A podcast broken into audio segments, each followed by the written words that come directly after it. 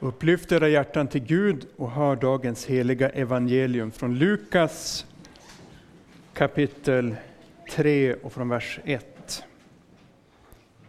Vi läser i Jesu namn. I kejsare Tiberius femtonde regeringsår, när Pontius Pilatus var ståthållare i Judeen, Herodes landsförste i Galileen, hans bror Filippus i Itureen och Trakonitislandet och Lysianas i Abilene. Och när Hannas och Kaifas var överstepräster då kom Guds ord till Sakarias son Johannes i öknen. Han gick ut till hela området runt Jordan och förkunnade omvändelsens dop till syndernas förlåtelse, som det står skrivet i boken med profeten Jesajas ord. En röst ropar i öknen, bana väg för Herren, gör stigarna raka för honom. Varje dal ska fyllas, alla berg och höjder sänkas. Det krokiga ska rätas, ojämna vägar ska jämnas och alla människor ska se Guds frälsning. Han sa nu till folket som kom ut för att döpas av honom, huggormsyngel, vem har visat er att ni ska fly den kommande vredesdomen? Bär då sån frukt som hör till omvändelsen och börja inte säga inom er, vi har Abraham till far. För jag säger er att Gud kan väcka upp barn åt Abraham ur dessa stenar. Yxan är redan satt till roten på träden. Varje träd som inte bär god frukt huggs bort och kastas i elden. Folket frågade honom, vad ska vi då göra? Han svarade dem, den som har två tunikor ska dela med sig till den som ingen har, och den som har mat ska göra på samma sätt. Även tullindrivarna kom för att bli döpta, och de frågade honom, Mästare, vad ska vi göra? Han svarade dem, kräv inte mer än vad som är bestämt. Även soldaterna frågade honom, och vi, vad ska vi göra? Han svarade dem, Pressa inte ut pengar från någon med våld eller lögn, utan nöj er med er lön. Folket gick där i förväntan och alla undrade i sina hjärtan om inte Johannes kunde vara Messias. Så lyder det heliga evangeliet. Lovad vare du Kristus. Nåd vare med er och frid från Gud vår far och från Herren Jesus Kristus. Låt oss be.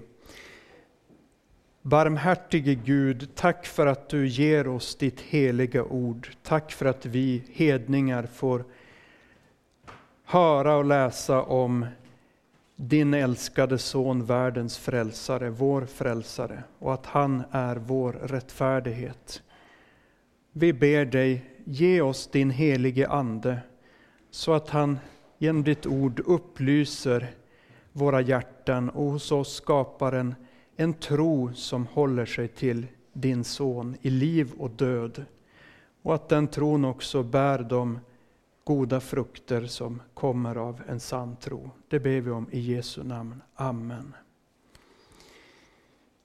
Vi läser att under den romerske kejsaren Tiberius tid kom Guds ord till Johannes i öknen. Och han gick omkring i hela trakten vid Jordan och förkunnade omvändelsens dop till syndernas förlåtelse. Reningsbad och, och, och vattenreningar, det fanns även före Johannes tid. Vi kan till exempel läsa om hur den som har rört vid en död människa skulle vara oren i sju dagar och det står han ska rena sig med vattnet på tredje dagen och på den sjunde dagen och så blir han ren. Men om han inte renar sig på tredje dagen och på sjunde dagen blir han inte ren.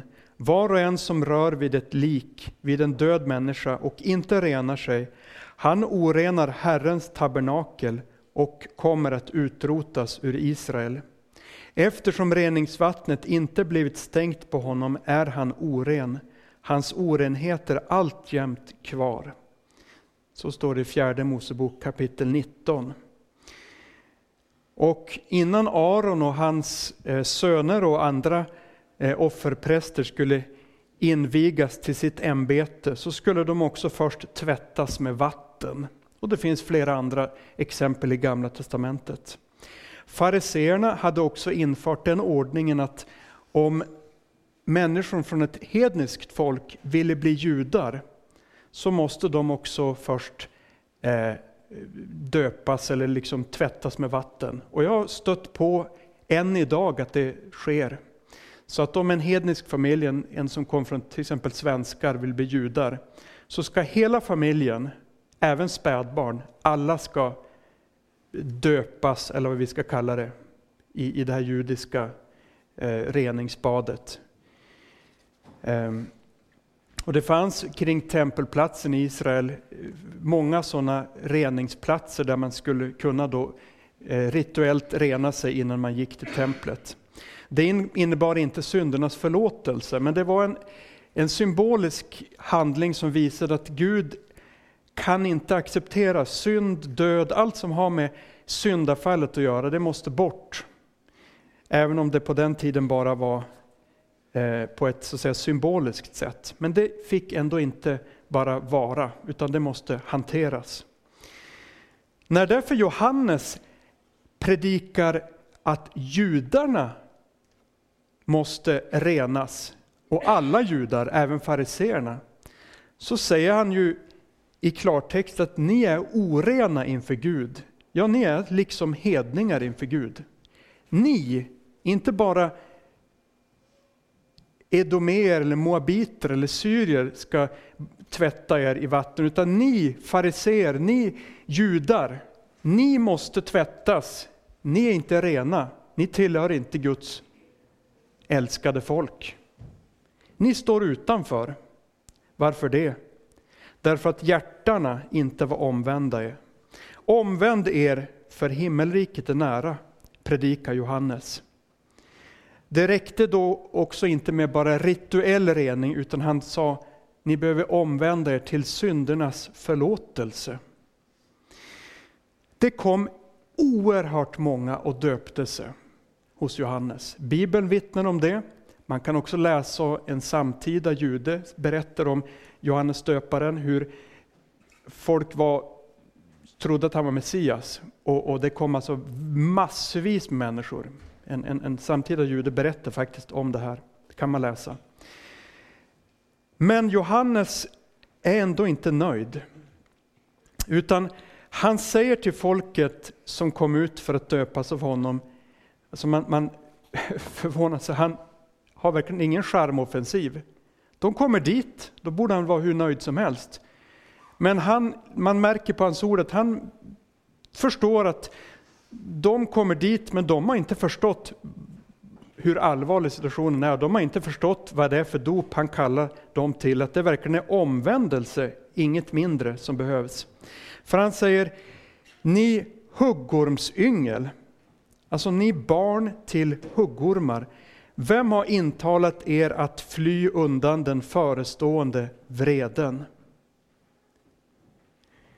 En del judar var ju mycket noggranna med att leva rent. Andra var säkert slappare, som det är i alla folk. Går man till muslimer så finns det en del som är oerhört noggranna och andra är inte så noggranna. Och så har det varit med svenskarna, även på den tiden som man kunde kalla Sverige för ett, ett kristet folk. Så var det alltid varierande grader av hur, hur noggrant man tog det med saker och ting. Och så var det förstås också med judarna som vi kan se i Bibeln. Men många tänkte att deras släktskap med Abraham gjorde att de liksom ändå stod under en välsignelse. Att de, när Messias skulle komma, att Messias skulle döma hedna folket, men att judarna på något sätt skulle liksom komma undan. Sen fanns det en del judar som menade att det är bara fariseerna som skulle komma undan. Och en del andra judar hoppades att alla i stort sett judar skulle komma undan. Man var olika, hade olika syn på det. Men en allmän förhoppning om att det här relationen till Abraham skulle betyda att Gud ser i nåd till vårat folk. Men Johannes säger att det hjälper ingenting. Gud kan ta fram avkomlingar till Abraham av, några stenar här. Det, noll och ingen, ingen hjälp har ni av det. Ja, stor hjälp på det sättet att de hade fått Guds ord, men blir inte, man blir inte frälst för någon sån relation. Och så kallar han sina landsmän för huggormsyngel. Alltså, vilken predikan! Är det någon av oss idag som vågar säga någonting sånt? Vi citerar ju bara, men skulle någon torda säga något från predikstol? Jag tror många av oss, vi har blivit så försiktiga. Och ändå kanske det skräller mer här från fridhemmen på andra ställen, men även här är vi ganska försiktiga. Vi vill eh, eh, vi liksom vill inte använda starka ord, utan tänker oss att kristen predikan ska alltid vara varm och mild och mjuk. Men här säger Guds egen profet till folk som kommer till honom och vill bli döpta. Ni är barn till huggormar.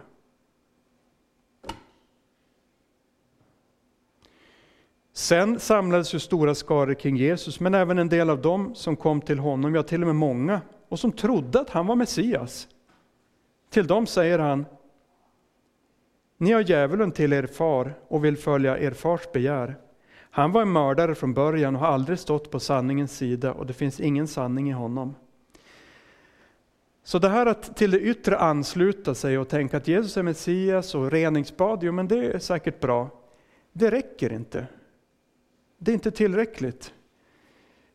De flesta judarna såg inte sin synd och sin behov av Jesus som frälsare, utan en yttre anslutning, det hoppades de skulle vara gott nog. Och de som kom till Johannes döparen tycks ju inte ha förstått sitt behov av syndernas förlåtelse, utan såg det kanske som ett reningsbad, en liten allvarligt, men nåja, man tar det där och så bra och så fortsätter man sen ändå som vanligt i vanlig egenrättfärdighet eller i fortsätta att småsynda eller storsynda. Nej, då lurar man sig själv. Johannes säger, gör då frukter i samsvar med omvändelsen och börja inte säga i er själv, vi har Abraham till far. För jag säger er att Gud kan av dessa stenar uppväcka barn åt Abraham. Dessutom är redan yxan lagd vid, utlagd vid roten på trädet. Varje träd som inte bär god frukt huggs alltså ner och kastas i elden. Och Det här gäller också oss. Låt oss inte skaka av oss Guds ord och, och bara tycka att ah, det var väl lite, den där texten var lite obehaglig, men ah, ja, det, ja, jag lyfter på hatten och går vidare. Det där var lite väl salt idag. Vi har fått ett så dyrbart dop att vi har blivit döpta i Jesu, Guds sons namn, in i Jesu försoning och rättfärdighet.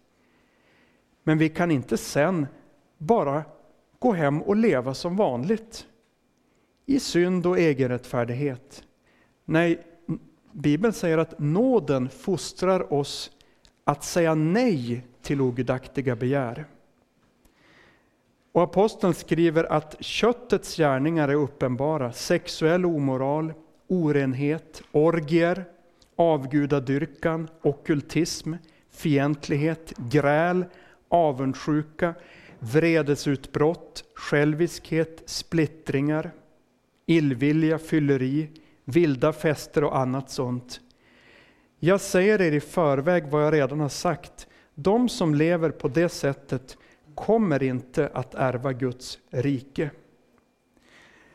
Med andra ord, om jag till exempel i mitt inre, eh, om jag blir vred på min, mina föräldrar, min, mina anhöriga eller någon annan, och bara låter det vara så, då lever jag i synd. Jag kan alltså inte bara få vredesutbrott till höger och vänster. Jag kan inte gå omkring och vara avundsjuk och leva så och tycka det är okej. Okay.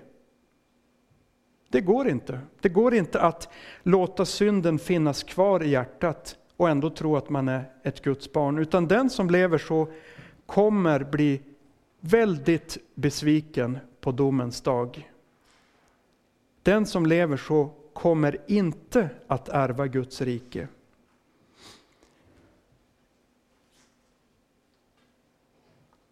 Girighet, det är också avgudadyrkan, girighet på pengar. Gud har gjort en del människor rika och det är en gåva. Det är inte fel med pengar i sig. Men girighet, märker vi av det i vårt hjärta, då ska vi be Gud om förlåtelse. För det är inte eh, eh, möjligt att leva i girighet och samtidigt vara en kristen. Varför inte det? Därför att det går inte att leva i synd och samtidigt ha ett rätt förhållande till honom som hatar synden. Det går inte. Det är eh, en ekvation som inte är möjlig.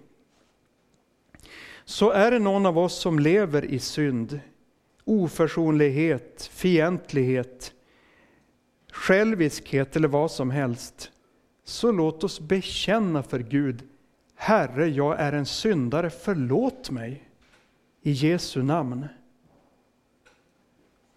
Gör vi inte det, så är vi på en livsfarlig väg. För redan har yxan lagts vid roten på trädet och varje träd som inte bär god frukt kommer att huggas ner och kastas i elden.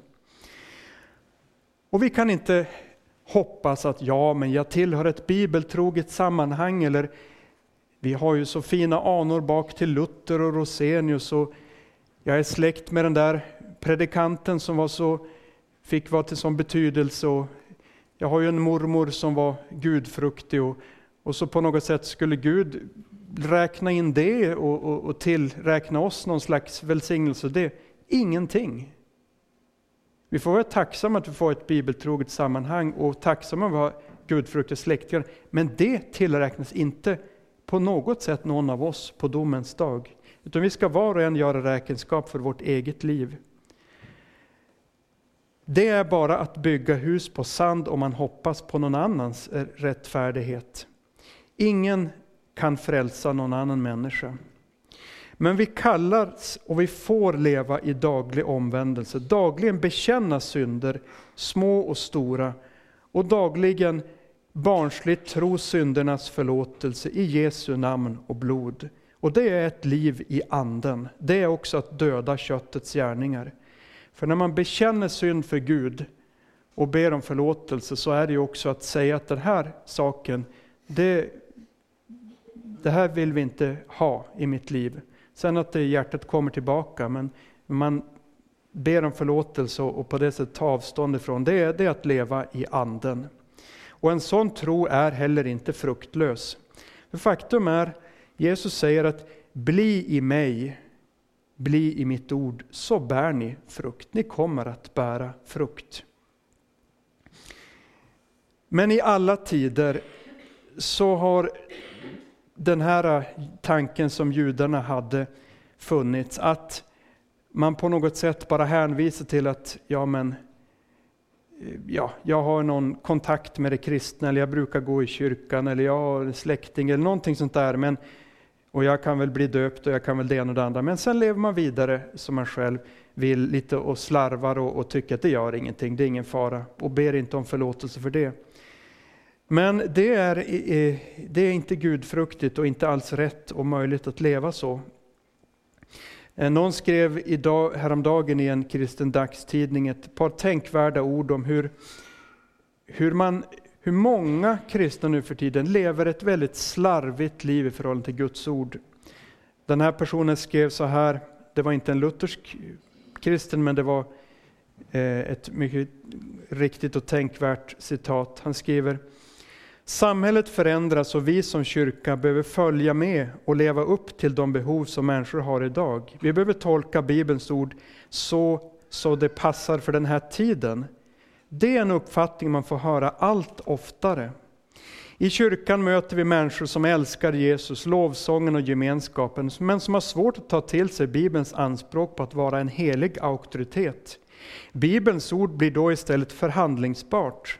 Att påstå att det finns en tydlig sanning baserad på Bibeln som vi måste böja oss för blir svårt att försvara då vi även i kyrkan har vant oss vid tanken att allt är relativt. Och så märker vi vår tid på ett sätt som är närmast skakande. hur, hur kristna är beredda att slipa av det ena efter det andra. Vem av oss hade kunnat tro bara för 15 år sedan att hela det här hbtq-paketet skulle kunna få någon som helst accept bland konservativa kristna? Man har tänkt ju att kanske i liberala svenska kyrkor, men frikyrkorna kommer stå emot för de är ju inte tvingade av staten eller har inte sån påverkan. De står ju själva och där har man ju hållit, och, och länge hållit Bibeln högt. Och så hör vi i vår tid hur det ena församlingen efter den andra släpper efter på till och med sådana frågor.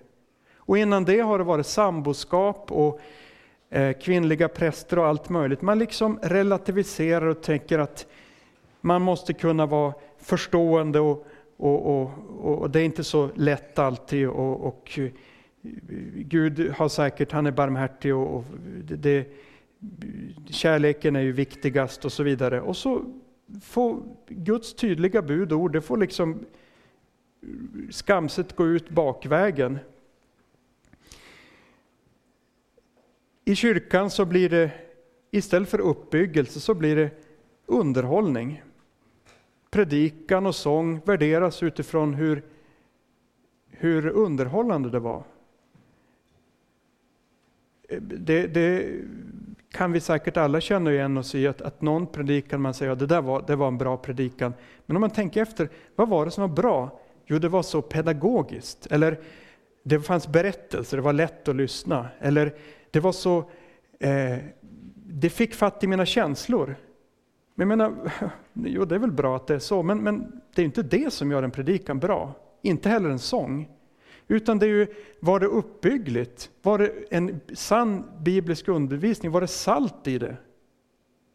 Det är ju bättre att ha en predikan som inte är riktigt så pedagogisk och inte så medryckande, men där det är bibliskt salt och sann uppbyggelse på, med lag och evangelium, än att få någonting som man blir eh, uppfylld av, men som egentligen inte innehöll något särskilt, utan mer som bara en ballong med luft i.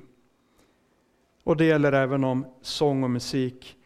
Om det inte är uppbyggligt, då är det ingenting att ha. Då ska, det inte heller, eh, då ska vi inte heller ta upp våra, våra gudstjänster med sånt. Utan som det står, låt allt bli till uppbyggelse. Det är själva poängen. Det är inte fel med underhållning, eh, det är inte fel att spela fotboll, det är inte fel att lyssna på musik och göra många roliga saker. Men det är inte därför vi kommer till gudstjänst. Vi har ju sju dagar och massor av tid på dygn som vi kan ägna åt sånt.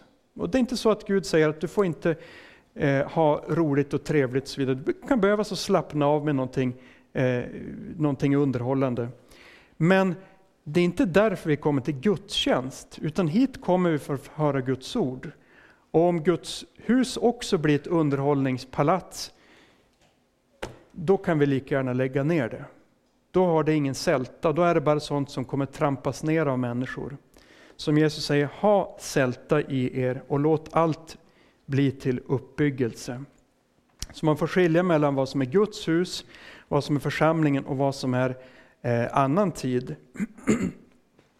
Det ena utesluter inte det andra, men, när vi, men i gudstjänsten så, så är det, ska allt vara till uppbyggelse.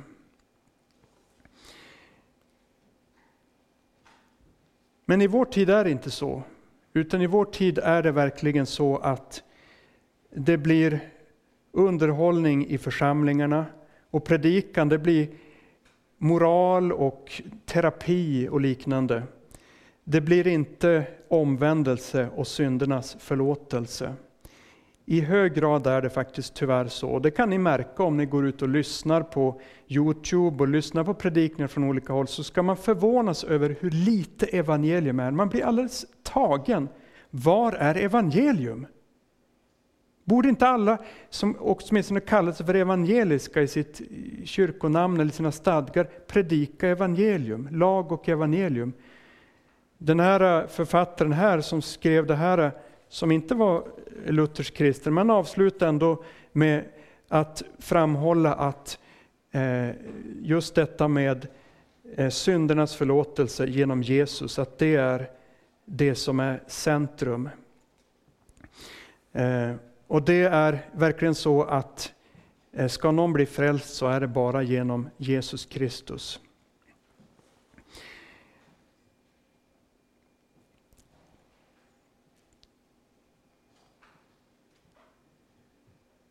Den förlåtelse som Gud har gett oss i dopet, den förlåtelse å andra sidan, den räcker. Vi behöver inte lyckas bli någonting, utan vi får vara precis så, så trasiga som vi är i vårt hjärta och få säga till Herren, här är jag, ta mig precis som jag är. Eh, och Det är samma nåd som vi en gång fått i dopet, det får vi leva på hela livet. Det är den nåd som Jesus har kommit till oss genom sin död och uppståndelse. Han är vår rättfärdighet, i oss själva blir vi aldrig rättfärdiga. Och vi behöver inte heller söka i oss själva efter någonting. Ej grunden du i hjärtat finner, fast där du gärna söka vill. Det hoppet ut i sanden rinner och himlaporten slutes till, för evigt, evigt slutes till. Vad är mitt hopp för evigheten? Och Jesus frågar mig varje dag. Du grunden är till saligheten, allt annat hopp ifrån mig tag, och utav nåd mig till dig drag. Du kom hit ner i rätta tiden och göt ditt blod på korsets stam. Du ensam stred den hårda striden, ut i din död du seger vann och blev vårt hopp, o du Guds lamm. Sen till sist, folket frågar då, du vill att vi ska bära frukt, vad ska vi göra? En bra fråga. Och vi kallas faktiskt att bära frukt Eh, inte egentligen för vår egen skull, utan ni vet ju att frukt bär ju ett träd egentligen inte för att själv äta frukten, utan för att andra ska kunna äta den. Eh, och jag minns en norrman som sa till mig att, att, att det är bara bra om grenarna blir tunga. Ibland för en kristen så kan ju livet kännas svårt och tungt. Men han sa att det kan vara så att, att det blir det är mycket frukt och då blir grenarna tyngre, men då blir det å andra sidan lättare för andra människor att plocka dem. Så Gud kan lägga på kristna svårigheter här i världen, eh, men det kan han göra och låta det bli till nytta för nästan på något sätt. Genom att vi ödmjukas och förs närmare Jesu förlåtelse och på det sättet också bär mer frukt. Men vad ska man göra? Jo, Jesus svarar folket, den som har två livklädnaden, ge åt den som ingen har. Livklädnader var som t-shirt och eh, långkalsonger. Det var det innersta. Och tänk en som inte har det, fryser ju. Så ge om du har två. Och den som inte har mat, den som har mat, gör på samma sätt till den som inte har. Tullmännen, publikanerna kom också för att bli döpt och frågade honom, Mästare, vad ska vi göra? Och han sa verkligen inga konstigheter. Ehm, han bad inte att de skulle säga upp sig. Det kunde man tänka sig att ni jobbar för romarriket. Säg upp er genast och börja jobba för judiska riket. Nej, han sa, ni kräv bara inte mer än det som är fastställt. Så ta inte extra betalt. Soldaterna frågade, och vad ska vi göra? Men inte heller de blev tillsagda att byta jobb. Utan han sa, hota ingen och anklaga ingen falskt, utan nöjer med er lön. Det var inte så svåra saker han sa. Och vi kunde säga idag, om du jobbar som barnmorska, bli inte del, delaktig i abort. Flörta inte med din nästas make eller maka. Håll äktenskapet i ära. Om du fakturerar arbetstid, skriv inte upp mer tid än vad du har jobbat. Det är bara helt vanliga vardagliga saker, inte alls i sig svåra, som är omvändelsens frukt. Men själva omvändelsen i sig, det är att som syndare vända sig till frälsaren med sin synd, bekänna och få tro syndernas förlåtelse. Och när Guds ord kastar ljus in över våra synder, så röjer det väg, gör oss mottagliga för, för världens frälsare, för Messias. För målet med Johannes döparen och Guds ords predikan, det är att alla människor ska se Guds frälsning, att vi ska se Guds lam som borttager världens synd. I honom och bara i honom är vi rättfärdiga. Ja, du är rättfärdig i Jesus. Må hans nåd vara med er alla. Amen. Ära vare Fadern och Sonen och den helige Ande, så som det var av begynnelsen, nu är och skall vara, från evighet till evighet. Amen.